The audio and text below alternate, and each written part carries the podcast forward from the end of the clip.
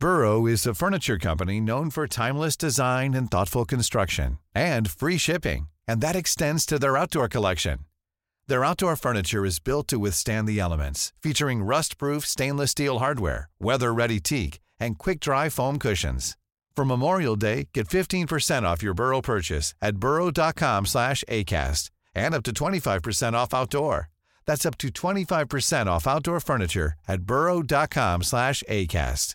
There's never been a faster or easier way to start your weight loss journey than with PlushCare. PlushCare accepts most insurance plans and gives you online access to board-certified physicians who can prescribe FDA-approved weight loss medications like Wigovi and Zepbound for those who qualify. Take charge of your health and speak with a board-certified physician about a weight loss plan that's right for you. Get started today at plushcare.com slash weight loss. That's plushcare.com slash weight loss. plushcare.com slash weight loss. Hey, it's Danny Pellegrino from Everything Iconic. Ready to upgrade your style game without blowing your budget? Check out Quince. They've got all the good stuff, shirts and polos, activewear and fine leather goods, all at 50 to 80% less than other high-end brands. And the best part? They're all about safe, ethical and responsible manufacturing. Get that luxury vibe without the luxury price tag. Hit up quince.com slash upgrade for free shipping and 365 day returns on your next order. That's quince.com slash upgrade. There's never been a faster or easier way to start your weight loss journey than with PlushCare. PlushCare accepts most insurance plans and gives you online access to board-certified physicians who can prescribe FDA-approved weight loss medications like Wigovi and Zepbound for those who qualify. Take charge of your health and speak with a board-certified physician about a weight loss plan that's right for you. Get started today at plushcare.com slash weight loss. That's plushcare.com slash weight loss. plushcare.com slash weight loss. I don't need a lot of brains in this business. I mean, I've always said if you got an IQ of 160, give away 30 points to somebody else because you don't need it in investments. What you do need is emotional stability. Wow. Very first tech IPO, and it's a big one. Stock market hit an all-time record high today. A crash is coming now, whether it's six months from now, 12 months, 36 months, no one knows. There's a bear market about every five years. We've gone eight years without one. People have to realize this is the biggest IPO ever. Hej och välkommen till ett nytt avsnitt av Market Makers. Hur är det läget med dig Fabian? Jo, men eh, det är bra. Börsen är i fortsatt rally, så man kan ju inte vara annat än glad nu. Så vi får se hur länge det håller. Vi får se nu med upploppen och eh, nyöppningar och så. Det kan ju bli en riktig by the rally, sell the news. Vet inte om en vecka kanske hela USA står i lågor. Vem vet? Eh, men å andra sidan, som vi har sett nu med corona, så lär det betyda ytterligare eh, 10-20 procent upp på S&P. Så vad fan spelar det för roll? Man kan ju börja tro att eh, Wall Street har råkat vända på skärmarna eller någonting, att de ser det motsatta. Eh, nej, vi får hoppas på fortsatt uppgång. Jag har ju faktiskt kommit direkt här nästan från en, en ögonoperation, så jag går lite in och ut här ur synen går lite in och ut. Så vi får hoppas att det här ändå kan rulla på hyfsat väl och eh, att börsen fortsätter gå upp så att jag får det här betalt också. eh, men idag har vi i alla fall med oss Sean George. Vi har ju en intervju faktiskt idag och eh, han borde vara välkänd för rätt många, speciellt de som hänger på Twitter. Eh, han rattar i alla fall då fonden Hamiltonian. Han pratar om GCO, men det står det för Global Credit Opportunity Fund. För stru I Strukturinvest eh, räkning tror jag man gör här. Eh, det är ju en hedgefond. Vi kommer komma in på det. En hedgefond är ju liksom inte för alla, men både Sean och hans kollegor är jäkligt vassa som, som jobbar med det här. Och han har ju extremt lång erfarenhet eh, även från Wall Street och har jobbat med, liksom, med, med alla de stora namnen i princip. Så jag tycker det här ska bli riktigt, riktigt kul faktiskt att snacka med honom och eh, dessutom är han, det skadar ju inte heller att han är väldigt, väldigt trevlig också faktiskt. Ja, framförallt även om man inte själv är intresserad av att investera i en hedgefond så är Seans marknadssyn väldigt intressant och eh, kan lägga grund för många andra strategier och syn på marknaden. Ja, men precis. Och jag tänker att vi kan väl hoppa rakt in på det. Vi har ett litet sponsormeddelande först, men innan vi går in på det och sen intervjun så ska vi väl nämna att eh, som vanligt, det här är ingen rådgivning rekommendation. Vi berättar om vår process, hur vi tänker och så vidare eh, och gör alltid din egen analys. Och kanske extra viktigt att påpeka nu, med tanke på att vi har en fondförvaltare med oss, så är det, gäller ju alltid som vanligt att man ska läsa alla relevanta dokument. Det här Key Investor eh, Information Document och allt vad det heter för någonting. Eh, gör din research innan du köper något. Denna vecka är vi åter tillbaka med vårt underbara samarbete med Peppins. Ja, och det här är ju faktiskt svinkul. Eh, Peppins, vi hade ju ett samarbete för ett tag sedan här med dem, där vi fick då helt själva välja att analysera bolag från deras handelsplattform. För de har ju en handelsplats med onoterade bolag. Eh, det var ju bland annat här Alvesta Glass eh, kom till marknaden så att säga och blev en otroligt fin investering. Man kan på tidigt stadium hitta nya spännande bolag och bli delägare i. Eh, och något som är kul med just Peppins är att det känns som att man kommer liksom lite närmare bolag. Man får väldigt tydliga löpande kommunikation från dem. Det finns också många förmåner faktiskt man kan få nyttja ibland i de här bolagen som man investerar i. Eh, och vi har ju fått eh, välja ett till bolag här nu, eller hur? Ja, exakt. Vi har fått välja eh, ett bolag på plattformen som vi tycker är lite extra intressant att ge vår take på. Och eh, vi kommer ge en lite kort presentation här i podden, men framförallt hittar du en lite längre textanalys eh, på peppins.com. Precis, och vi har ju valt att titta på bolaget Sharespine. Eh, delvis för att det går så väl ihop med API-ekonomin som vi pratade om i förra veckan. Eh, det är ett intressant bolag. Jag har faktiskt stött på dem eh, själv liksom innan jag ens visste att de skulle komma till Peppins. Eh, och nu kommer de snart börja handlas i Peppins här i juni, så att, eh, man kan verkligen, det här är ett väldigt, väldigt relevant bolag just nu. Exakt, och eh, ShareSpine, för de som inte vet det, är en integrationsplattform som kopplar samman flöden mellan butik och ekonomisystem, betalväxlar och marknadsplatser. Eh, bolaget har tio års erfarenhet och teamet är gjutet av spetskompetens. Precis, deras mål dessutom är att bli den ledande aktören på den nordiska marknaden. Eh, och ShareSpine har redan idag över 900 anslutna kunder, vilket är ett kvalitetstecken får man ändå säga. Över 30 nya kunder väljer att ansluta sig i månaden, säger man. Eh, och genom då de här automatiserade effektiva flödena skapar ShareSpine en miljö där kunder sparar in på manuella arbetsprocesser. Om man ska relatera lite till det här API-ekonomin så pratar man om att API är olika typer av kopplingar så att man kan liksom på olika sätt koppla ihop olika tjänster. Det ShareSpine gör är att de har byggt och färdiga så kallade konnektorer, som de säger, det vill säga färdiga egentligen integrationer, så du inte själv behöver sätta dig in i och lära API, utan de har en färdig lösning som kopplar ihop Stripe, eller Paypal, eller Shopify eller vad man nu har för någonting. Ja, och bolaget öppnar upp för handel den 10-15 juni för första gången sedan emissionen i höstas. Eh, så gillar du snabbväxande SaaS-bolag med starka ägare så vill du givetvis veta mer om Sharespine. Gå då in på peppins.com eller tryck på länken i avsnittsbeskrivningen för att läsa mer om handelsplatsen, läsa mer om Sharespine och Eh, ja, där kan du givetvis också läsa hela vår analys. Så gå in på peppins.com och leta fram till Sharespine. Ja, och vi ska ju såklart alltid påminna att alla investeringar sker på egen risk. Kolla alltid på värderingar av bolag och så vidare innan du gör någon investering. Vi säger stort tack till Sharespine och Peppins. Då säger vi varmt välkommen till podden, Sean George. Och eh, för de som inte känner till dig sedan tidigare, vill du dra en liten bakgrund och vad du gör nu? Ja, absolut. Tack, tack att jag får vara med. Det är väldigt kul. Eh, jag förvaltar en, en liten hedgefond som heter Hamiltonian GCO som förvaltar krediter. Min bakgrund är att jag spenderade senaste 20 åren i kreditmarknaden, 25 åren i kreditmarknaden varav strax över 20 år var på Wall Street, främst på storbankerna UBS, Bank of America och Deutsche Bank. Och, ehm, och, och sen eh, flyttade jag hem till Sverige uh, början på två, eh, januari 2017 egentligen. Eh, och så drog jag igång fonden eh, maj 2018. Och det är mer än en heltidsjobb att förvalta en global fond. Det är jag och min kompanjon Jesper som en kvantare.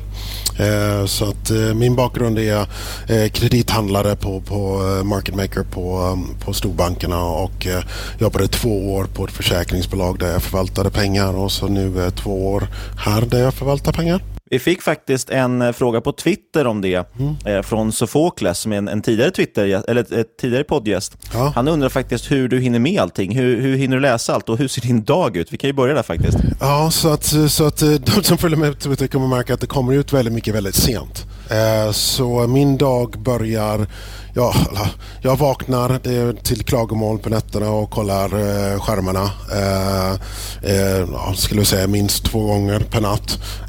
Och sen är jag väl vaken från sju. Där försöker jag läsa så mycket jag kan. Eh, det ropar egentligen öppnar eh, vår tid nio. Eh, och sen brukar jag komma in till kontoret runt nio. Och då kör vi igång om vi har ändrat vy eller om det är några nya emissioner som vi ska ta ställning till. om det är någon, någon makrodata som kommer ut. så kör vi igenom risken. så kör vi ner kör vi en max drawdown i olika scenario en gång i veckan. I mars var det varje dag. Eh, och, eh, och sen kör vi en kvantscreen eh, på allting som har rört sig mest på uppsidan och nedsidan. Eh, dagen innan för att se om det är någonting som är intressant eh, både från lång och kortsidan. Eh, och sen brukar vi köra igång och, och, och liksom, eh, antingen är det att vi sit and wait, eh, vilket har inte varit sådär jättemycket sedan vi startade fonden tyvärr. Eller så är det liksom ta ställning till ny information som kommer emot oss. Och sen kör jag eh, och Jesper fram till eh, oh, e-, egentligen är vi på kontoret fram till 9-10 på kvällarna. Och eh, sen, är, sen kör vi fram till eh, New York-stängning eh, om vi behöver justera någon, eh, någon, någon risk eh, mot stängning eh, eh, så, så, gör vi det då, eh, oftast hemifrån. Då. Och sen är det starta om och sen är jag alltid vaken till att kolla, eh, kolla efter den, um, futures, E-minis, uh, S&P Futures. Öppnar igen vid 12 uh, och sen brukar jag läsa fram till uh, strax innan ett och så sover jag därefter. Hur har liksom tankarna gått nu eh, i år när det kommer till Corona? Hur har ni positionerat er i fonden och har det förändrat någonting i er metodik? Eh, alltså vi har ändrat positionerna väldigt många gånger eh, sedan Corona kom så att eh, eh vi underskattade den givetvis. Jag tror jag med en eh, panel i realtid eh, typ veckan liksom nu började slå på. Jag trodde att börsen skulle gå ner eh, ungefär 10 procent och jag liksom gick ner tre gånger det.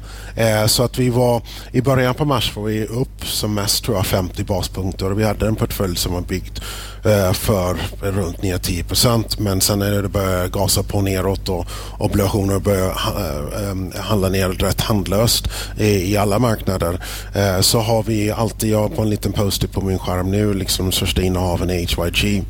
Eh, och eh, när man börjar komma in i den här zonen eh, liksom längre ner än 10 procent då är lärdomen av, av 2018 eh, att eh, ETF-erna är så jäkla kraftiga och när de får utflöden eh, då ska obligationer liksom i närheten av någonting som de har vilket är stora delar av marknaden ner rätt kraftigt mer våldsamt än vad de har gjort i tidigare tider så att då börjar det blanka eh, stora innehav i, eh, i HYG eh, för att motverka de obligationer som vi hade kvar i portföljen. Och sen skalade vi ner när volatiliteten gick upp. Liksom en sak som många missförstår när man säger att vi har en hedgefond och, och liksom tror att vi ska vara upp eller ner 10 procent eller oftast vill att alla som man ska vara upp hela tiden när man har en hedgefond. Vi är dock en riskklass 3, en låg riskklass 3 så vi säger till våra investerare att vi försöker hålla volatiliteten någonstans mellan 2 och 3 procent. Eh, vilket var givetvis helt omöjligt i, i mars. Men vår ettårs volatilitet är 2,77. Volatiliteten förra året var 2,14. Eh, så att vi får ju skala ner liksom en bok för en VIX på 80 är väldigt annorlunda än en VIX på eh, 15 Eh, när, när det här hela bröt ut. Så vi skalade ner och sen någonstans i slutet på mars började vi skala upp försiktigt och rädd. Eh, inte alls störst. Eh, då började vi skala upp boken eh, till en bok som var, som var hyfsat lång och då satte vi upp våran så vi var ner 1,89 baspunkter eller 189 baspunkter i, ehm, i, i, mars och så var vi uppe 246 tror jag i april. Och sen gjorde vi ett misstag. Vi var inte alls tillräckligt långa eh, förra månaden. Eh, då var vi uppe bara lite granna jämfört så att vi tappade. Eh, liksom vi har en korg av, eh, av fonder som våra eh, eh kunder äger. Eh, mot dem eh, på year to date så är vi i snitt 795 baspunkter före dem. Ehm, och vi är eh, mot eh, eh Bloomberg High, eh, eh kredit hedgefondindexen så är vi eh, 952 baspunkter före den.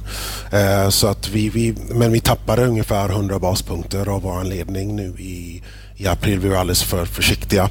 Eh, och en grej som hände i april var det här skiftet. Vi hade ju väldigt mycket lågbeta, låg risk som var fruktansvärt billigt eh, eh under, under, mars månad. Och de slutade fungera och då var vi tvungna att växla om till en mer högbetabok. Och sen har det kommit, eh, eh, så förra året tog det till november innan det kom en triljon dollar i nyemissioner i, i USA i IG-marknaden. Eh, den passerade vi nu i veckan då, eh, en triljon i nyemissioner. Eh, vilket är mycket så att vi växlade om från i USA. Vi hade en väldigt stor viktning av USA. Vår tanke var att Fed var mer proaktiv. Vi får se vad som händer nu på torsdag med ECB-mötet. Men det verkar som ECB kommer igång så att vi har en väldigt viktad bok tillbaks till Europa Eh, där vi har eh, gått, ner, gått upp eh, i beta helt enkelt och skalat ner i USA-boken. Så väldigt aktiv förvaltad fond. Så jag tror som mest var vi ner 70 baspunkter i april och slutade på 20, 20 baspunkter ungefär. Jag tänkte faktiskt att vi skulle backa ett steg till just kring vad er investeringsfilosofi är, ska säga, vad är strategin i fonden? Jag tänkte bara också för de lyssnare som inte känner till HYG, den här ETF, ja, förlåt, det är alltså high nej. yield så alla vet det. Ja, eh, det man kan kalla för skräpobligationer om man vill. Då. Ja, precis. Eh, hög risk är väl ett finare ord kanske för det. Ja, precis. Men om man, om man tittar, jag såg någon fin liten, liten, eh, vad säger man, visualisering eller infographics på, på er hemsida där ni visar de här tre benen ni har med capital preservation, alltså bevara kapital, ni har tradingdelen, en opportunistic strategy. Kan du, kan du egentligen gå igenom hur är fonden fördelad? Hur mycket krediter har du? Köper ni någonting annat än det? Hur ser liksom strategin bakom fonden ut? Ja, absolut, absolut. Jättebra fråga. Eh, så, eh, när vi startade fonden så visste jag inte att jag skulle gå in i den mest turbulenta tvåårsperioden som vi skulle ha haft på, på det senaste decenniet. Men under en normal marknad så skulle vi ha 75 procent av kapitalet och se ut som en, eh, mer som en Pareto Global Corporate Bond eller Simplicity Global Corporate Bond. Det vill säga att vi äger eh, inte svenska eh, obligationer, vi äger internationella obligationer. Eh, vi tar ingen ränterisk, vi tar ingen eh, FX-risk. Så det är valutasäkerhet och så hedgar vi bort eh, ränterisken med att eh, eh, korta eh, statspapper då, eh, jämför om det är Europa eller USA beroende på vad pappret är. Eh, och sen om man tittar på kapitalbevarandestrategi, eh, det eh, vi använder vi blanka obligationer, vi köper CDS, det vill säga försäkring, en försäkring mot att en, en, en, en kredit eh, eller ett bolag ska eh, gå i konkurs. Eh, och så köper vi säljoptioner på eh, S&P. Eh, det är de tre benen som vi använder. Och så köper vi också den, den bästa traden vi gjorde i mars var vi köpte en säljoption på high yield-indexen. Eh, den, den räddade oss. Den köpte vi på 50 igen och sålde på 1570 tror jag det var. Eh, och så köpte vi säljoptioner på S&P på 23 som gick till 600. Annars hade vi inte sett lika bra ut, eh, även för det var en förlust. Vilket var jävla eh, frustrerande när vi såg eh, ändå att det skulle gå ner. Men, eh, men det slutade dock med en förlust där. Eh, och sen, eh, sen opportunistiskt det eh, är ett bra exempel. Det jag såg att det kom väldigt mycket fastighetsfrågor. Jag, jag gillar inte att köpa fastighetsobligationer i, i regel. Och, men när SBB... I Sverige eller generellt? Generellt. Liksom, det, det, det är, inte, det är inte någonting som jag har handlat REITs ehm, eh, i USA. Eh, det var en, en, av de böckerna som jag hade sist jag var på eh, Byside på försäkringsbolaget. Eh, men eh, det, det, är någonting som vi generellt in, inte är i eh, just nu där konjunkturen är. Men när SBBs eviga obligation kom ner till 71 eh, cashpris då köpte vi faktiskt en väldigt liten post av den. Och, och sen när det kom ut lite positiva nyheter så, så sålde vi ut den. Så vi kan vara opportunistisk. Eh, vi måste inte älska någonting för, för, för att äga det. Liksom allting har ett pris. Eh, och SBB, eh, det var ingen problem med SBB i min bemärkelse. De är högt skuldsatta. Det vill säga totala skulden i jämförelse med eh, den svenska marknaden. Det, det, är rätt mycket skulder de har. Men givetvis har de fortfarande en investment grade så ration är, är, inte så farligt. Eh, men så, så vi är opportunistiskt eller köper en nyemission som vi köpte än idag. Eh, ett bolag som heter Repsol som vi tyckte eh, kom väldigt billigt. Eh, den köpte vi på 100, cashpris på 100 nyemission och den är på 101 och en fjärdedel så att vi har tjänat 1% på den idag. Så att vi kan lite opportunistiskt när någonting kommer lite billigt kan vi göra det. Eh, vi äger eh, fyra olika obligationer i Softbank. Jag älskar inte Softbank på något sätt. Jag tycker det är rätt kast. Eh, men de ska köpa tillbaka obligationer och köpa tillbaka aktier. Och då har vi köpt liksom fyra olika poster mellan en miljon euro och en halv miljon euro för att pricka rätt på några av de här som köper tillbaka. Så sist de köpte tillbaka obligationen så gick hela kapitalstrukturen upp runt 10 procent. Så att vi kan vara opportunistiska med saker och ting som inte liksom vi, vi ska vara långvariga i. Men det finns en obligation, en RBS-obligation. Eh, som eh, var den faktiskt den första obligationen som vi köpte när vi startade fonden. Eh, den har jag ägt som mest 4 miljoner av. Eh, jag ägde 525 miljoner, eller 525 000 eh, av den i, i, mars. Då hade jag skalat ner. Det var en av de positionerna som vi tog ner. Eh, jag tror att de måste köpa tillbaka den obligationen. Eh, då gick vi in och började köpa tillbaka den när vi, eh, marknaden kom, kom tillbaka. Så då, då är vi tillbaka i ungefär en 60 procent av normal position på den. Och Commerzbank har en liknande obligation som jag tror att de kommer köpa, i alla fall försöka köpa tillbaka här snart. De ska komma med nya obligationer, 3 miljarder nya obligationer snart. Och just den här obligationen sticker ut i deras kapitalstruktur som är fruktansvärt onödig med en hög kupong. Um, så att det, det, är inte så att jag älskar Commerzbank per se, uh, men jag tror att de behöver köpa tillbaka den. Så att vi har lite opportunistiska saker där vi kan få asymmetriska utfall. Om Commerzbank uh, eh, gör en call på den så är fonden upp 1,5 procent den dagen. Ni är ju väldigt aktiva låter det som. Hur lång är en snittposition eller snitttrade för er? Alltså, det vet jag inte. Det, det, det, det är nog rätt kort. Jag skulle säga en, en kvartal nu, max. Eh, men som sagt, den första obligationen som vi köpte 7 maj har vi kvar också. Eh, så det är vi repeat offenders. Liksom vi, vi, kan kliva ur saker om vi tror att det ska ner och kliva tillbaka in eh, förhoppningsvis lägre då. Men den största omsättningshastigheten sker genom kreditderivatindexen. Eh, så att vi, vi, vi liksom vill vi vara mer lång marknaden än, än obligationsportföljen är eh, så kan vi bara klicka och bli väldigt lång eh, kreditderivatindexen och bid-offern är väldigt liten så det kostar inte särskilt mycket att gå in och ur dem. Så vi försöker hitta någonting som transaktionskostnaden är väldigt låg. helst vill vi inte hålla på och sälja ner obligationer hela tiden. Och vad vi gör för att också skära ner transaktionskostnaderna är att vi köper mestadels obligationer på nyemissioner men inte den här Softbank-situationen eller Commerzbank eller RBS-situationen. Då försöker vi köpa eh, via nyemissioner. Då slipper man i alla fall köpa, eh, köpa på offersidan. Och sen finns det ju system som heter Market Access eh, där vi, det kallas Open Trading eh, som har blivit väldigt stort där eh, alla kunder och alla banker eh, kan lägga eh, köp eller säljpriser på alla flöden som kommer där. Så jag tror att de handlar runt 4, handlade runt 4 miljarder dollar om dagen eh, i, i krisen där och där, där kan vi köpa på bidsidan och sälja på offersidan då, eller någonstans där eh, nära bidsidan, nära off, offersidan. Men då konkurrerar vi med, eh, med och tillsammans med eh, våra konkurrenter och bankerna tillsammans i samma eh, pool då. Så det finns massor med olika ställen där vi kan hitta likviditet för att skära ner koncentrations eller, eh, transaktionskostnaden. Eh, du, du, nämnde förut att allting kan ha ett attraktivt pris. Mm. Eh, hur bedömer ni när att någonting är billigt? Oftast tittar man på sektorn. Eh, eller, först startar man liksom vad, vad, vad är marknaden? Eh, sen tittar man på hur ser det priset ut i Europa? Hur ser priset ut i USA? SPP är ett sånt fall där det finns bara euro och SEK-obligationer. Eh, och sen tittar vi på historiskt vad det har varit, tittar på vad andra bolag med liknande rating och sen givetvis nyhetsflöden i, i vissa fall är, är avgörande eh, såklart. Eh, och sen tittar vi på och försöker hitta den som har bäst likviditet. Eh, därför det, det tycker vi är väldigt viktigt. Eh, och sen tittar vi på vad, vad den har handlat historiskt jämfört med sina peers. Så det är många variabler som går in i det. Är det, är det någon marknad framöver du tycker ser väldigt intressant ut? Jag vet att många, eh, många drar sig mot eh, USA just nu. Många sitter i money markets och håller på cash. Är det, no är det någonting du ser nu som verkar extremt intressant som du tror att marknaden missar? Ja, så vi tittar på um, eh, en trade som, som vi kommer lägga på, eh, lägga på. Vi kommer lägga på lite eh, på, på innan torsdag. är att köpa eh, AT1, Coco Bonds eh, i Europa.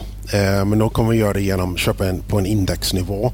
Eh, därför att vi tror att eh, ECB kommer stötta den marknaden. Just nu är den väldigt orolig därför att eh, det är lite diskussion om, liksom, om de tar statlig aid, om de måste stänga av kuponger eller inte. Eh, men vi tittar väldigt nära eh, på den marknaden eh, där liksom bankerna är, även europeiska banker, liksom amerikanska banker är i bäst skick just nu men även europeiska banker är i hyfsat bra skick jämförelse med den, med den förra krisen. Men eh, det är orosmolnen för att marknaden i Europa är, är framförallt Italien då. Eh, så vi har, vi, vi har lite blankerna mot Italien och så funderar vi på att lägga på en, en, en lång då i, generellt i en AT1-index. Eh, därför den, den AT1 tycker vi screenar rätt bra just nu.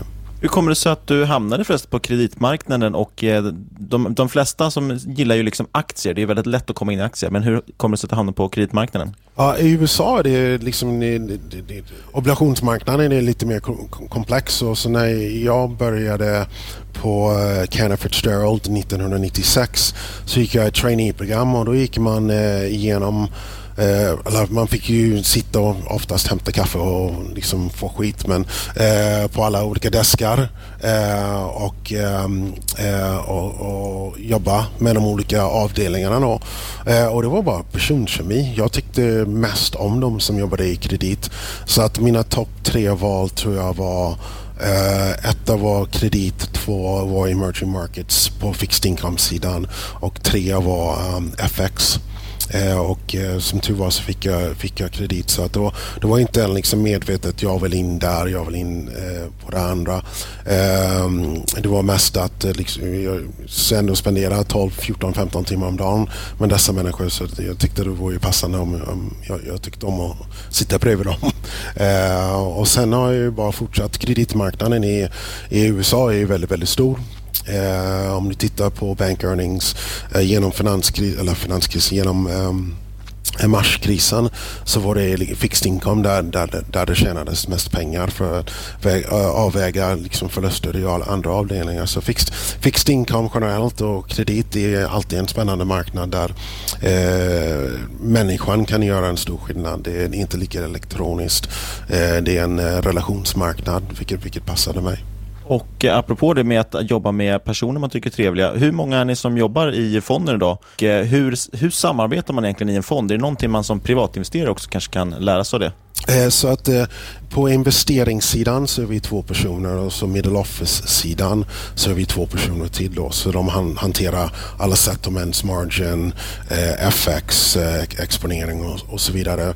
Så det är jag och min kompanjon Jesper som ni pratade med snabbt som hjälpte mig att komma in. så att vi, vi, vi pratar om alla trades, vi, vi pratar om liksom eh, vilken nivå. Vi, vi gick lång eh, europeisk high yield i förrgår.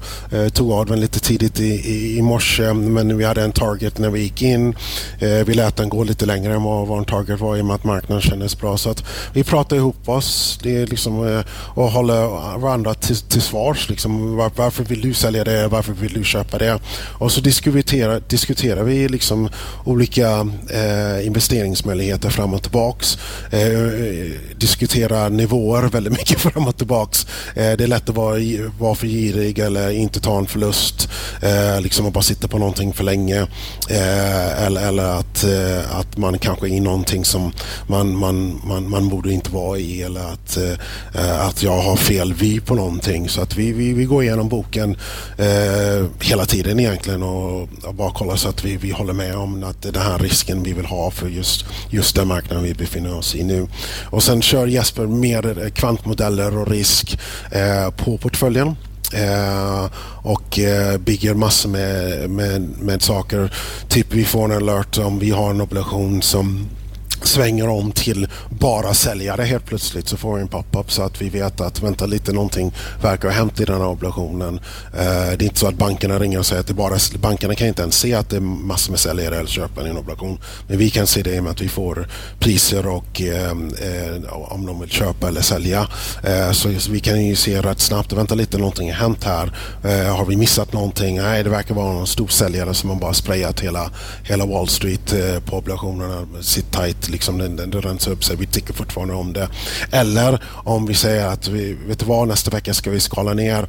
Kanske flytta den här. Den här var egentligen inte på listan att skala ner men om marknaden ska gå ner, om vi tror att marknaden ska gå ner och vi äger någonting som alla banker äger också så kommer den gå ner eh, mer än, än, än resten av portföljen. Så att eh, han bygger väldigt mycket grejer som eh, eh, hjälper till med förvaltningen så att vi, vi ser mer än, än, än, än vad två personer kan göra utan de här eh, Ehm, eh, system som, som vi har byggt runt det. Så han programmerar mer. Eh, jag, jag eh, bearbetar marknaden för idéer, ehm, eh, problem allt möjligt eh, för att liksom få in så mycket idéer eh, tillbaks till oss som vi sen utvärderar och sen tar vi en, en investeringsbeslut tillsammans eh, på de idéerna. Och sen eh, Filip och Kristoffer, eh, de, de, de rensar upp eh, allt stök som vi skapar eh, runt i, liksom, när vi handlar.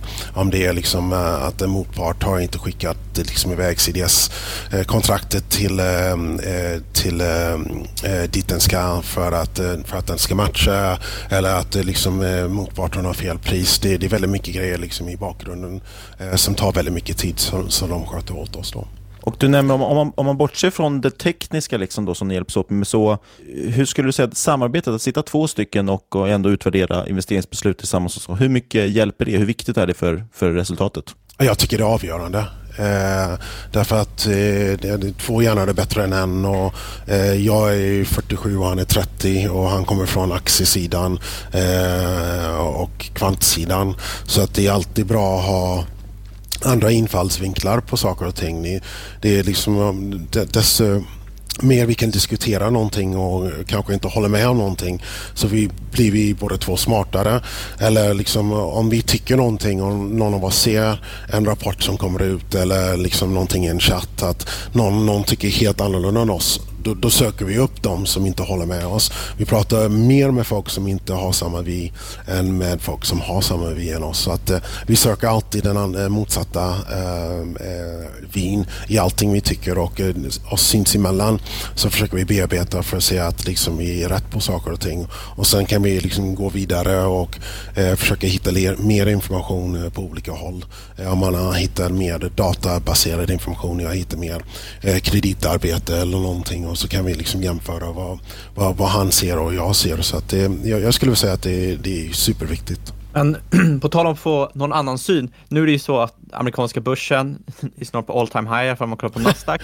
eh, och man, man, man, man, brukar ju säga att eh, kreditsidan är smartare än aktiesidan. Eh, vad är din syn på Eh, börsen som helhet just nu och just när, när det kommer till corona, rekordhög arbetslöshet, väldigt mycket eh, som sviktar ekonomiskt sett och ändå ser vi att börsen är på ett väldigt hett rally. Hur ser du på det? Ja, alltså, jag, jag kan säga så här, jag tycker med det som sker i ekonomin så är det lite, lite väl snabbt uppåt eh, på börserna. Eh, jag älskar inte men vi är lång marknaden. Eh, som sagt, vi har en av våra bättre dagar i år idag. Eh, men vi, vi dansar ner, nära utgången därför att jag, jag, vet inte hur länge det här kan, kan, kan hålla. Liksom, vi kan bryta upp till, liksom, till där vi var i, i februari. Jag, jag, vet faktiskt inte. Men när jag tittar på vad som sker i ekonomin. och liksom, vi har ju tre kriser. Vi har en eh, ekonomikris i ekonomin underliga ekonomin. Eh, vi har en hälsokris med corona. Eh, och i USA så har du liksom social oro på en nivå som vi inte sett på, på 1960-70-talet. Eh, och ändå så går börsen upp. Och det, det, det, är klart det är väldigt mycket, det är 10 triljoner ungefär som kommit in i marknaden eh, i år eh, från centralbanker och regeringar. Och de, det, det, är klart det, det, det, det hjälper att, att um, att stabilisera marknaden men vi har kommit långt förbi en stabilisering av marknaden nivåmässigt. Så att jag, jag är väldigt orolig eh, för nivåerna som vi ser.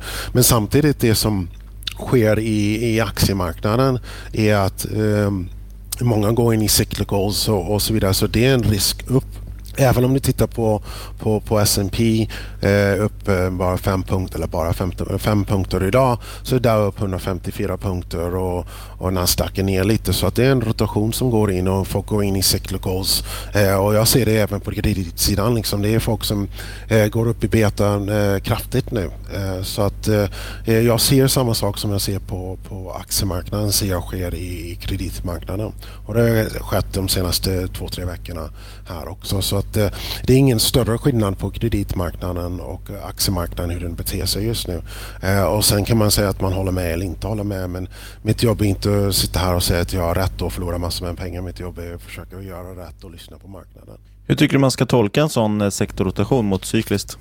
Folk köper det som har laggat för att de har missat rallyt, skulle jag tippa på. Jag ser det i kreditmarknaden. Det är de obligationerna som har gått sämst går absolut bäst nu. Eh, så att eh, det är folk eh, som, som... Det här är en av de mest hatade rallys jag någonsin sett i mitt liv. Eh, så att jag tror att det är de som har halkat efter som gör den här, trampar på gasen i slutet på, eh, på uppgången här. Eh, men jag vet inte, liksom uppgången kan ju fortsätta ett tag till så kanske de har helt rätt. Och vi har delvis gjort det i våran fond också. Vi gjorde det för två, tre veckor sedan, tack och lov. Och eh, Sell in May and Stay Away känns ju som att det är inställt. Hur tycker du man ska se och hantera sommaren nu? Det brukar ju vara lägre likviditet och ibland stökigare. Ja, båda sidor av den var inställt faktiskt. Liksom ingen go away och, och sell. Det var ingen som gjorde. Eh, ja, sommaren är ju alltid, liksom, om man tittar på vår performance i fonden, även om vi hade ett väldigt tufft 2018 så hade vi fruktansvärt bra i juli. Och förra året så hade vi en bättre, ändå bättre juli. Juli fram tills april så var julimånaderna de bästa månaderna för oss i fonden. Så att eh, vi är fullt medvetna att likviditeten går ner och där finns det ju väldigt mycket saker att göra uh, i marknaden när, när, likviditeten går ner. Och, och framför, framförallt för oss uh, så liksom är det många juniorer på tradingdeskarna och, uh, som blir oroliga så fort de får någon risk på sig på kortsidan eller långsidan. så att vi kan ta tillvara på den här Eh, lägre likviditeten. Ehm, men skulle vi få en eh, en gungning till i, under sommaren så, så, kan det bli lite jobbigare än vad det var i mars. Eh, jag tror inte vi går ner till de nivåerna som var i mars eh, faktiskt. Eh, men det, det, kan bli volatilt in sommaren, särskilt från de, från de nivåerna som vi befinner oss på, både på, rent, eller på kredit och eh, aktiesidan. Så att eh, volatilitet eh, kan, kan definitivt dyka upp under sommaren. Du nämnde ju också upploppen i USA. Hur tror du, tror du att det här kan sprida sig och eh, påverka marknaden negativt? Jag trodde faktiskt att det skulle göra det i morse. Jag var lite orolig i och med att vi är så pass långa. Men eh, marknaden brukar, eh, verkar ta det eh, helt, helt okej. Okay. Liksom man får komma ihåg, marknaden kan oftast bara fokusera på en grej. Och just nu fokuserar marknaden på att vi öppnar upp igen och covid eh, liksom, eh, trappas ner, eller riskerna runt covid eh, trappas ner framförallt i Europa eh, men även i USA eh, öppnar ju alla, eh, eller många av delstaterna upp eh, helt då. Eh, så att det är det som marknaden är fokuserad på nu men eh, alltså det, det är ju tragiskt att se de här bilderna och vi har skrivit en del av om det. Liksom en av de grejerna, en av de få grejerna som tror jag fortfarande håller eh, från våra december eh, månadsbrev om saker och ting som vi trodde skulle, eh, vi, vi, skulle se mer av för social oro i, i omvärlden och jag, jag tror att eh, det där kommer fortsätta. Eh, det, det, är klart liksom eh, upploppen är helt fel och liksom poliser skjuts och saker och ting bränns ner. Men det underliggande problemet är eh, våld mot eh, svarta i USA och sen är det 40 miljoner amerikaner runda slängar har blivit av med sitt jobb som har väldigt mycket tid på händerna. Eh, så att jag tror att eh, det, det kommer vara problem en sak som, som jag skickade runt lite till mina motparter, en lite, lite, lite sidokonversation men eh, 2008 nej, 2012 så fick jag möjligheten att train, träna på DEA's shoothouse. Så först gick vi in och så hade vi eh, en videosimulering med riktiga pistoler utan riktiga skott. Då. Och det var en um, gisslansituation och så skulle vi inte döda gisslan och döda terroristerna. Och sen gick vi in i ett eh, kolsvart hus. Där var det pistoler med gummikulor. Jag kan påpekade att gummikulor gör jävligt ont. Eh, och så gick vi in och så fanns det eh, gisslan där inne och det som han sa till mig kommer jag ihåg i morse den stora skillnaden mellan eh, poliser och militär är att eh, poliser ska gripa och utreda. Eh, militär ska eh, eh, liksom ta bort the threat, liksom eliminate the threat. Eh, och om du sätter amerikanska soldater, delvis många som har varit i strid på amerikanska gator, kan jag lova dig att det, det, är liksom risken för urartning eh, och någon, någon soldat som börjar liksom döda civila eh, är rätt stor. Så att eh, eh, händer det så är det någonting som skulle få oss att slå på lite mer hedgar i portföljen om vi ser eh, amerikanska militärtrupper på amerikanska gator. Eh, det vill jag verkligen inte se. Ja, de, eh, det var väl i morse de eh, kom ut med att de skulle eh, använda var, var, det militären eller var det någon... Ja, eh, nej, National Guard va? Ja, National Guard har varit inkopplad eh, sedan ett par dagar tillbaka tror jag. Okay, eh, ja. men, men, Trump ville lägga, sätta in militären, eh, den riktiga militären. Okay, ja. ja. Och det är en helt annan sak. National Guard är som hemvärnet. Det är som, som vi och liksom eh, i hemvärnet och så ska vi ut och försöka liksom få ordning på gatorna. Eh, sätter du in liksom marinsoldater på amerikanska gator, det blir inget bra. Nej, jag såg faktiskt, eh, vad heter den, American Outdoors som heter, den aktien har ju gått, de säljer en hel del vapen och sådär och även de här Digital Ally och, äh, Ally och även äh, som säljer bodycams och sådana saker. Även ja. gamla Taser också som har bytt namn nu. Eh, en hel del sådana aktier har ju gått eh, rejält. Det var ju någon tråd på Reddit bland de som har grävt fram lite vad som gick bra eh, i senaste, senaste gången det var upplopp. Mm, ja, nej alltså jag kan säga eh, det var ju många av mina vänner i USA som frågade mig liksom hur man går tillväga och köper vapen redan i mars. Eh, så att eh, amerikanerna liksom så fort det blir problem så köper de vapen. Jag gjorde samma sak under finanskrisen så jag ska inte säga, säga att liksom jag står över det där. Problemet i USA är att det finns, jag la upp någonting på Twitter häromdagen, det finns vad är det, 390 miljoner skjutvapen i USA. Det, det, finns inte så många amerikanare. Vad tror du är risken för en eh, ytterligare destabilisering eh, längre fram eh, på året när det närmar sig då presidentvalet? Ja, alltså jag tror Biden gick om i, liksom, eh, i oddsen att, att, att, vinna. Alltså det, det kommer vara en riktigt nas, nasty val. Alltså så, så kommer det vara. Eh, och eh, Trump kommer göra allt för att vinna. Eh, jag tror i slutändan att han kommer vinna. Det är det absolut bästa för marknaden. Sen kan man ju diskutera om, om honom som president eller person. Det, det, jag, jag, är inte politiskt lagd i den bemärkelsen. Men vad jag kan säga att eh, om Trump vinner så är det absolut bäst för marknaden. Uh, en fråga när det kommer till de eh, låga räntorna vi nu har sett. Ja. Tror, tror du kan, att det är risk för en typ av japanifiering i USA och EU de kommande åren? Eller kommer inflation göra comeback? Det var en jäkligt bra fråga som man ställde på Twitter där. Eh, jag tror att risken finns och jag vill inte svara så men jag tror tyvärr att, att risken finns. Eh, du har ju många zombieföretag som inte bör finnas som finns, som finns kvar. Så det är dåligt kapital, eller eh, bra kapital till dåliga bolag. Samhällsklyftorna, Amazon lånade pengar på 0,4 procent på en treåring igår. Det, det, det, är mycket grejer som, som sker som säger till mig att, att det, det kan vara så att det är en japanisering av eh, både Europa och USA. Tyvärr. Jag tror inte USA går till minusräntor. Men jag tror att Japans scenariot för västvärlden är front and center just nu. Tyvärr. Hur går man tillväga för att investera i ett sådant scenario? Alltså, vad många tror är att, under, under, liksom att Japan tog bort volatilitet under den, under den tiden de har kört allt den här QE'n. Och, och det har de absolut inte gjort. Eh, så att volatilitet kommer att finnas kvar eh, men det, det, det kommer kommer vara väldigt mycket svårare eh, att tjäna pengar i marknaden och avkastning. Och liksom, I Japan pratar de om ett förlorat decennium och tittar på liksom deras fastighetssektor och så vidare. Eh, så att det, det, det, kommer att vara mycket svårare. Man kommer behöva en, en större verktygslåda eh, för att klara sig igenom det där. Eh, för att hitta bra, bra, bra sätt att få någon form av avkastning under det scenariot. Och sen vara beredd på att när volatiliteten väl kommer, när den är så nedtryckt, eh, så tillbakaslagen kan, kan vara rätt våldsamma. Vi fick ju en fråga också om, om hur eh, fonden har gått senaste åren det var du inne på lite ja. förut. Men jag tänkte faktiskt att vi skulle prata lite om det för ni har väl ett mål om eh, absolut avkastning, det vill säga ni vill ha en, en egentligen alltid positiv ja, avkastning precis. och ett visst mål antar jag ja. Var, vart ligger det målet? Hur har ni lyckats uppnå det och eh, varför jobbar man mot det? Ja, alltså, Vem passar en sån fond för? Ja, så, så det, det, har varit, det har varit en del snack om liksom, folk tror att fonden har inte gått särskilt bra.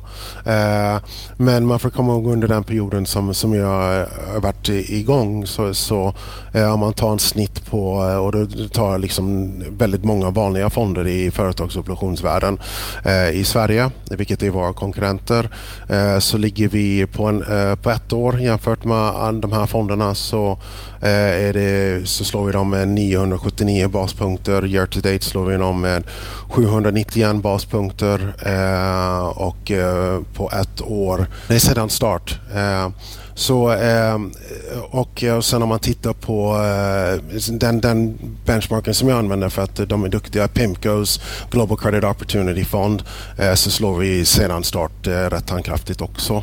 Eh, så att det liksom, vi, vi försöker nå uppnå runt 5% varje år efter avgifter och allting. Eh, vi uppnådde det inte. Vi var back eh, 2018 eh, strax under 6% och vi är upp strax över 7, eller strax under, under 7 2019 eh, och i år är vi efter idag upp runt 1 i år då.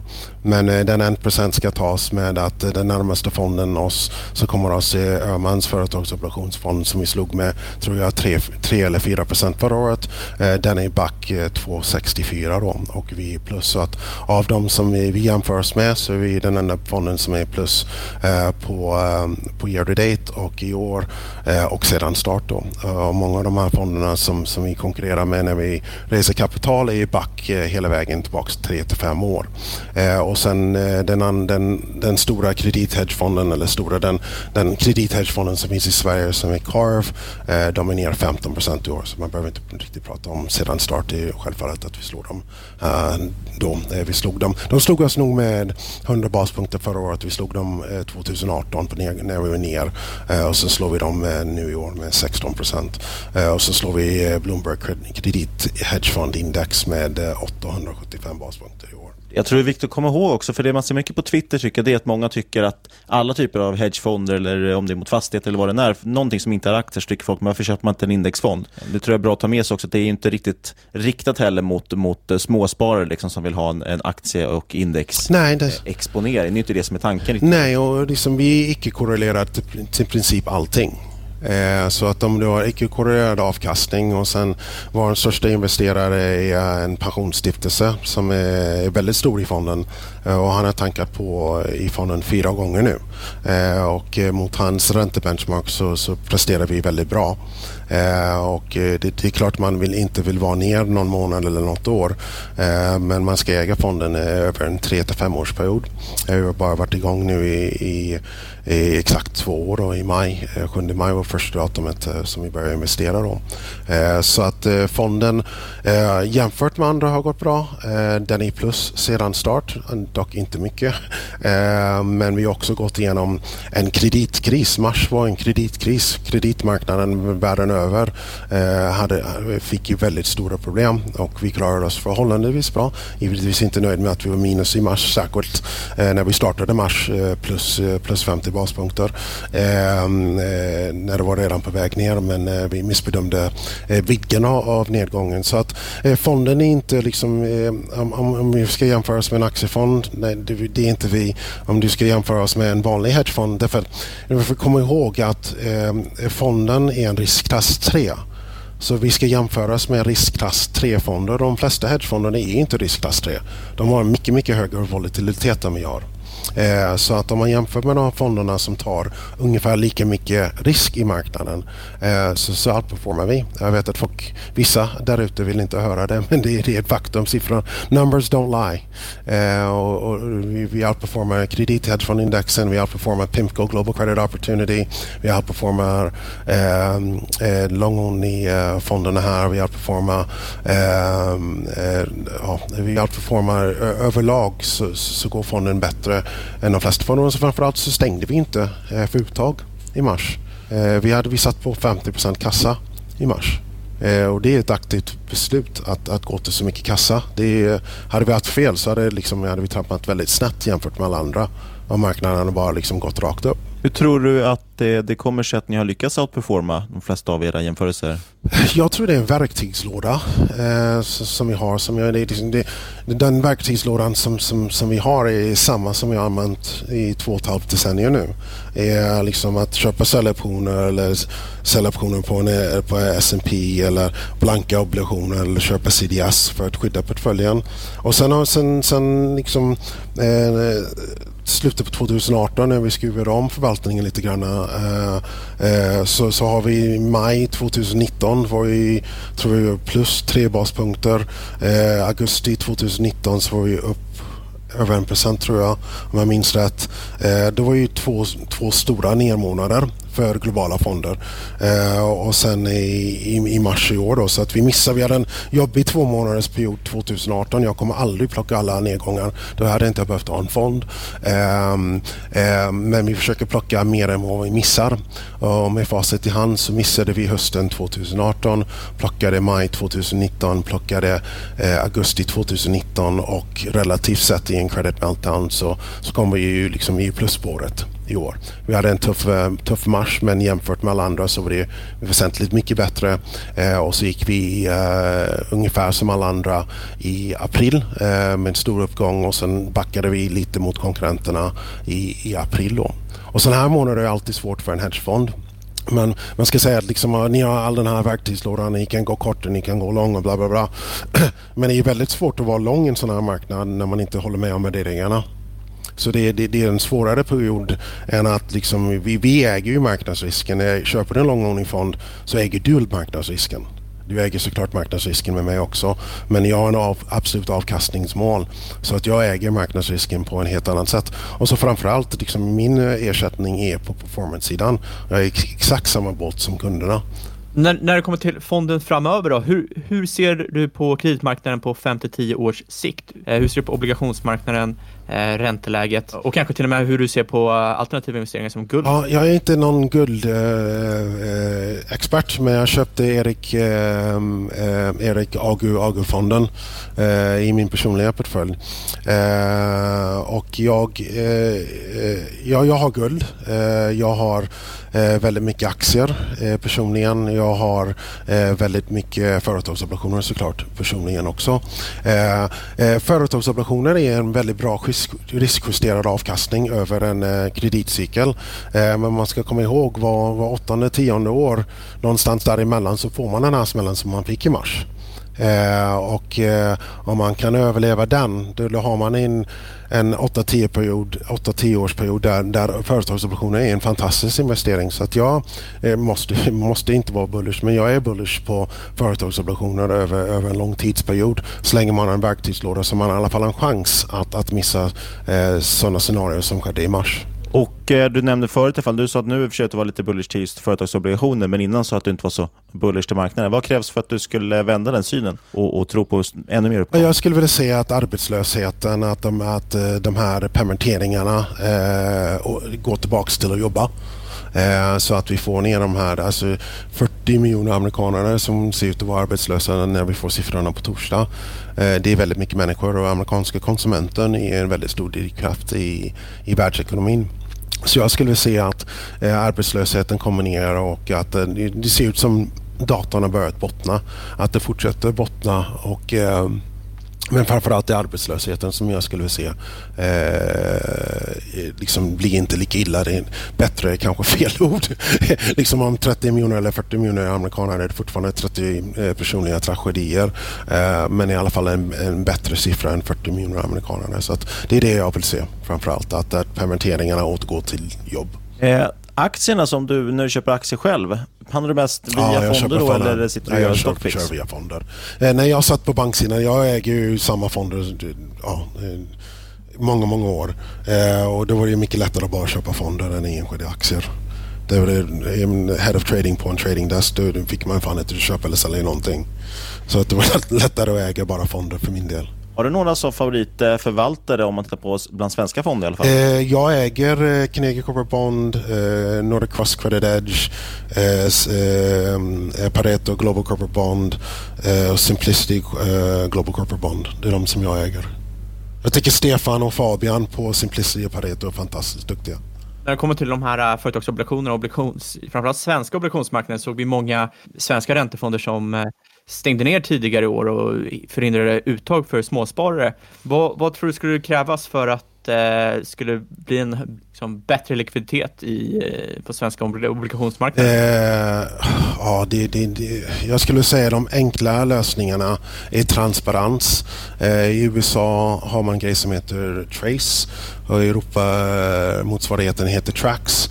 Eh, där kan man se var saker och ting handlas eh, och man kan se liksom eh, mark marknadsdjupet. Så att jag kan ju se, vi räknar varje månad hur många dagar det skulle ta att likvidera. Nu är fonden så pass liten så att det, det är frågan om ett telefonsamtal för att likvidera vår fond. Men att man skulle ha mer transparens mot hur mycket handlas i den här marknaden, till vilka priser. Eh, framförallt för de här fonderna som stängde för uttag i mars eh, så sägs det i alla fall att det var inte på grund av dålig likviditet, det var på grund av att de inte visste, visste vad priserna var.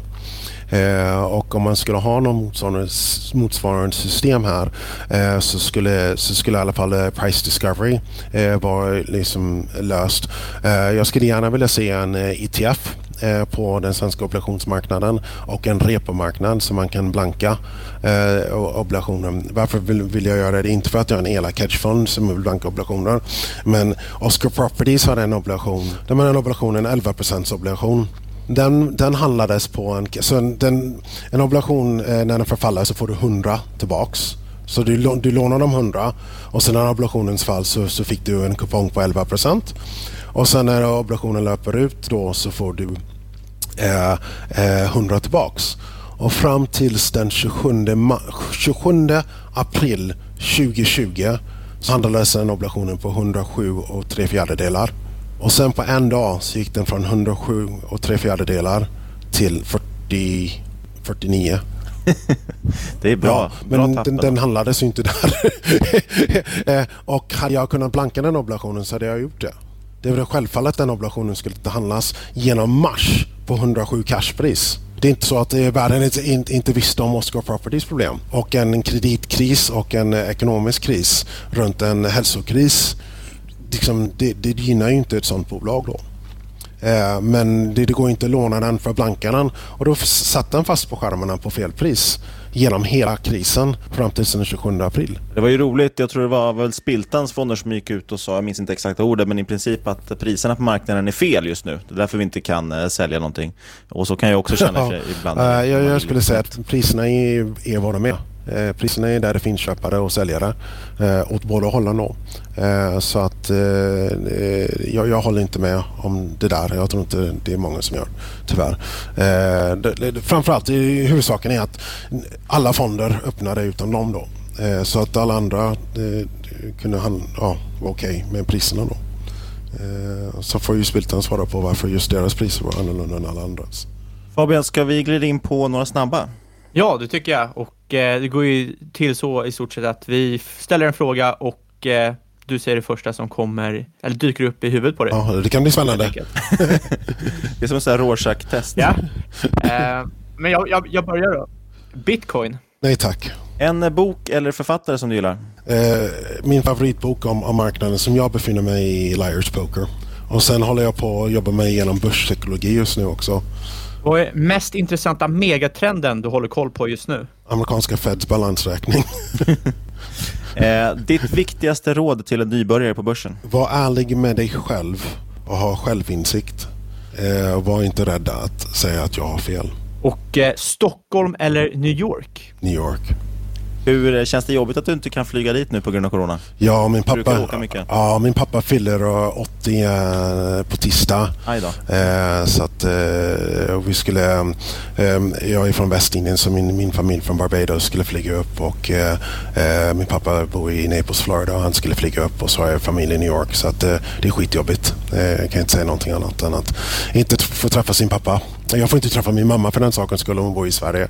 Eh, liksom de är i riskzonen då. Men eh, eh, ja, att inte liksom få fira min pappas 80-årsdag tycker jag är skitjobbigt.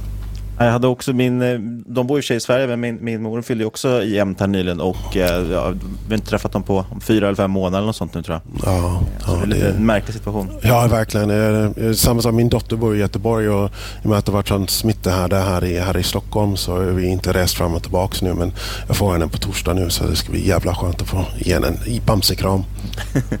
Berätta om din bästa och respektive sämsta investering du gjort och vad du har lärt av dem framförallt. Eh, den bästa eh, är väl, eh, jag köpte Heinz eh, hade en remarkable security som bokstavligen sa att de skulle vartannat eller var tredje år skulle de sätta en ny kupong. Och de satte en ny kupong på eh, Lehman-dagen. Så jag tror deras kupong blev 15,5 procent. Eh, och sen eh, och sen var jag på Deutsche Bank då. Så det måste varit 2009, jag hade precis börjat där. Och så skulle de göra en nyemission och köpa tillbaka den här. Och jag satt och läste igenom dokumentet. Och så läste jag det en gång till. Och så i hörnet liksom på motsatt. Så tradersen var på en rad och så på, direkt på andra sidan datorskärmen så hade du säljare och längst bort på säljarraden, längst bort till höger. Jag satt näst längst bort till vänster. Eh, och så på andra sidan längst bort till höger satt en kille som heter Frank Argolagos. Och jag ser att han har dokumentet i handen och han ställer sig upp och börjar springa runt till, till min sida. Och jag bara, vad är det du ser redan? Och han bara, det här, där, exakt det jag sa. Eh, det, det, exakt det jag såg. Ehm, så jag köpte på mig eh, 400 miljoner dollar av den och sen fick jag bara behålla 300 därför att det var för mycket risk ehm, eh, för banken. Så jag handlade 100 miljoner av den och tjänade mm, strax över en miljon dollar på den 100 miljonen. Och sen fick jag 300 miljoner av en 30-årig Heinz-obligation. Ehm, och när allt var said and done så var jag plus 12,5-13 miljoner dollar på 24 timmar. Det är hyfsat. Det är lite bättre ja. än vad vi har gjort Fabian. jag kommer aldrig göra det där igen. Jag fick till och med ketchupflaska med mitt namn på. Heinz ketchupflaska. och så, och folk pratar fortfarande om det. Så att, det, liksom, eh, säljare är väldigt lätt, lätt eh, snackiga. Så att alla visste att jag hade så jävla mycket. Så att eh, folk försökte ju pressa ner den 30-åriga obligationen eh, när den kom. För de visste att jag satt på hur många hundra miljoner som helst. Eh, och eh, så min första market var 100 miljoner uh, på bidsidan och en miljon dollar på offersidan. Och så kom en hedgefond in eh, och sa liksom, är det en bidden, eh, eh, står du för den? Ja, jag står för den. Ja, jag säljer det 25. Tack. Så tog jag in den fem baspunkter ifrån där han sålde, sålde den till mig. Han bara, jag sålde inte, köpte. Jag vet. Och så bara fortsatte jag. Och folk försökte blanka den och trycka ner den. Och sen, sen var det bara liksom fart upp eh, på den. Så att, eh, nej, det, det, var en rolig trade därför att man hade alla emot sig. Man satt med hur mycket risk som helst och, eh, och, och vann slaget. Eh, min sämsta investering, lättare att komma ihåg de positiva. Alltså jag skulle säga det är som när man startar en fond och, och går back strax över 5 första året. kan, kan nog rankas som liksom mest oflit. Det är klart jag tog ju besluten. Eh, men eh, det, det var riktigt jobbigt att liksom starta liksom på, eh, liksom på minussidan och, och behöva kriga tillbaks. Eh, skulle jag vilja säga. Vad, vad drog ni för lärdomar av det året då? Att vi, att vi använder innehaven i ETF-erna för blanka mer än att vi använder CDS. Därför CDS ger inte mycket, lika mycket skydd när, när ETFerna ska ut. Då, då, då faller obligationerna mycket, mycket hårdare.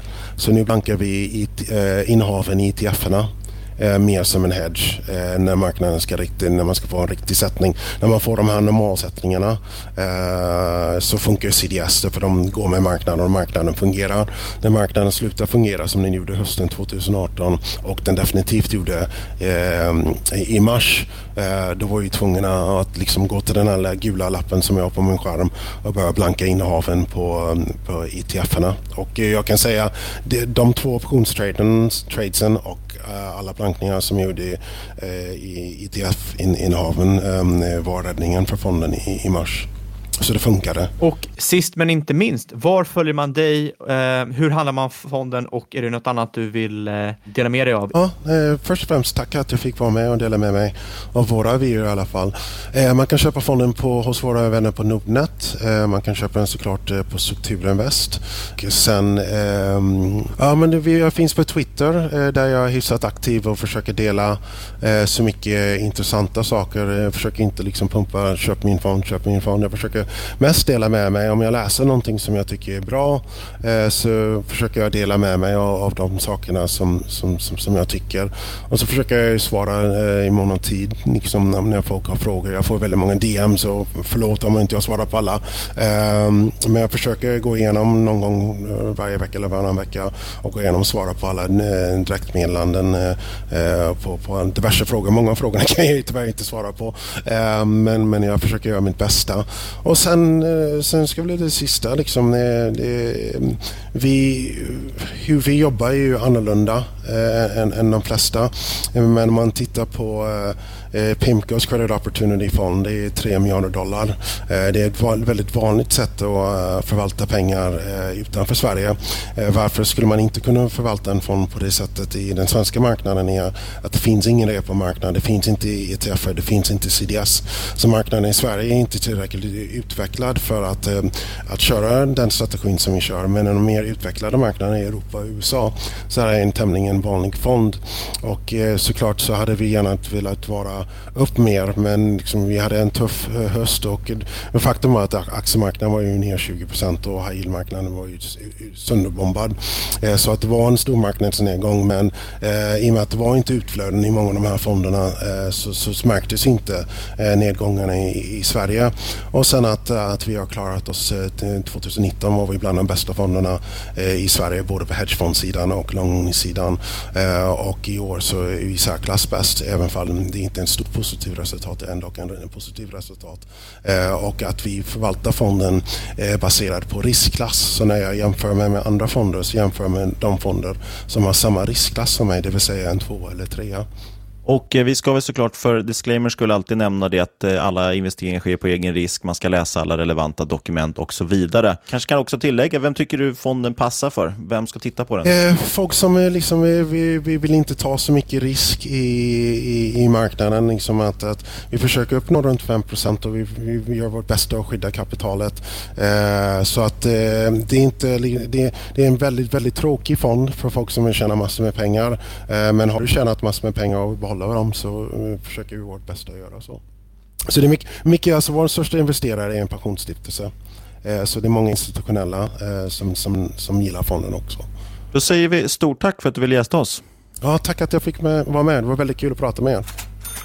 Ja, det var dagens avsnitt och för den som eh, letar efter Sean på Twitter så kan vi ju säga att det, även det ligger en länk till i avsnittsbeskrivningen så ni kan klicka på den fritt honom. Ja, fantastiskt kul att ha Sean i podden. Tyckte han faktiskt fick glänsa väldigt mycket. Väldigt intressant att få veta eh, hans syn på marknaden och jag tror att ännu mer relevant nu än vad det var i till exempel mars. Det är nog eh, rätt många som är lite skakiga efter den här, eh, det här starka rallyt och få, få den oron att lägga sig lite och få reda på liksom lite bredare marknadssyn, lite, lite mer på djupet, tycker jag var väldigt värdefullt. Ja, men det var som du sa faktiskt, eh, här, innan vi började spela in så, så pratade vi om det och då sa du att det, det är faktiskt otroligt mycket mer intressant just nu också än, än, när vi var på botten så att säga i marknaden. För det är nu det verkligen spelar roll på något sätt.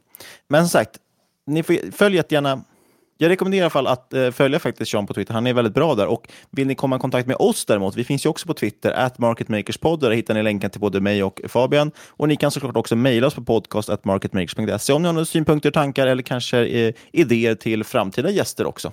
Lämna gärna en recension på iTunes eh, så vi klättrar i ranking och så kommer fler att lyssna på oss. Eh, sen vill vi också ge ett stort, stort tack till vår sponsor Peppins och eh, till Sharespine. Ja, precis. Gå in på peppins.com, och leta efter Sharespine. De handlas den 10 till 15 juni. Och sist men absolut inte minst. Tack för att du har lyssnat kära lyssnare. Vi hörs igen om en vecka.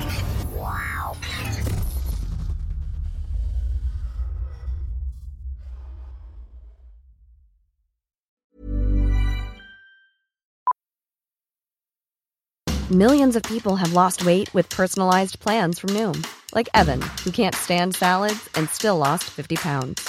Salads generally for most people are the easy button, right?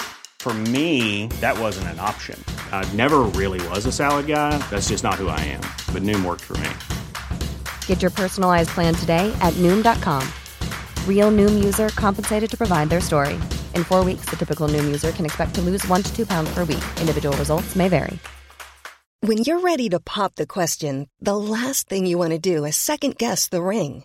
At Bluenile.com, you can design a one of a kind ring with the ease and convenience of shopping online. Choose your diamond and setting. When you find the one, you'll get it delivered right to your door. Go to Bluenile.com and use promo code LISTEN to get $50 off your purchase of $500 or more. That's code LISTEN at Bluenile.com for $50 off your purchase. Bluenile.com code LISTEN. Burrow's Furniture is built for the way you live. From ensuring easy assembly and disassembly to honoring highly requested new colors for their award winning seating, they always have their customers in mind. Their modular seating is made out of durable materials to last and grow with you. And with Burrow, you always get fast, free shipping. Get up to 60% off during Burrow's Memorial Day sale at burrow.com slash ACAST. That's burrow.com slash ACAST. burrow.com slash ACAST. One size fits all seemed like a good idea for clothes. Nice dress. Uh, it's a it's a t-shirt. Until you tried it on. Same goes for your healthcare. That's why United Healthcare offers a variety of flexible, budget friendly coverage for medical, vision, dental, and more. So, whether you're between jobs, coming off a parent's plan, or even missed open enrollment, you can find the plan that fits you best. Find out more about United Healthcare coverage at uh1.com. That's uh1.com. Millions of people have lost weight with personalized plans from Noom, like Evan, who can't stand salads and still lost 50 pounds. Salads, generally, for most people, are the easy button, right? For me, that wasn't an option. I never really was a salad guy. That's just not who I am. But Noom worked for me. Get your personalized plan today at Noom.com. Real Noom user compensated to provide their story. In four weeks, the typical Noom user can expect to lose one to two pounds per week. Individual results may vary. Hey, it's Danny Pellegrino from Everything Iconic. Ready to upgrade your style game without blowing your budget? Check out Quince. They've got all the good stuff shirts and polos, activewear, and fine leather goods, all at 50 to 80% less than other high end brands. And the best part? They're all about safe, ethical, and responsible manufacturing. Get that luxury vibe without the luxury price tag. Hit up quince.com slash upgrade for free shipping and 365 day returns on your next order. That's quince.com slash upgrade. Mom deserves the best, and there's no better place to shop for Mother's Day than Whole Foods Market. They're your destination for unbeatable savings, from premium gifts to show-stopping flowers and irresistible desserts. Start by saving 33% with Prime on all body care and candles. Then get a 15-stem bunch of tulips for just $9.99 each with Prime. Round out Mom's menu with festive rosé, irresistible berry chantilly cake, and more special treats. Come celebrate Mother's Day at Whole Foods Market.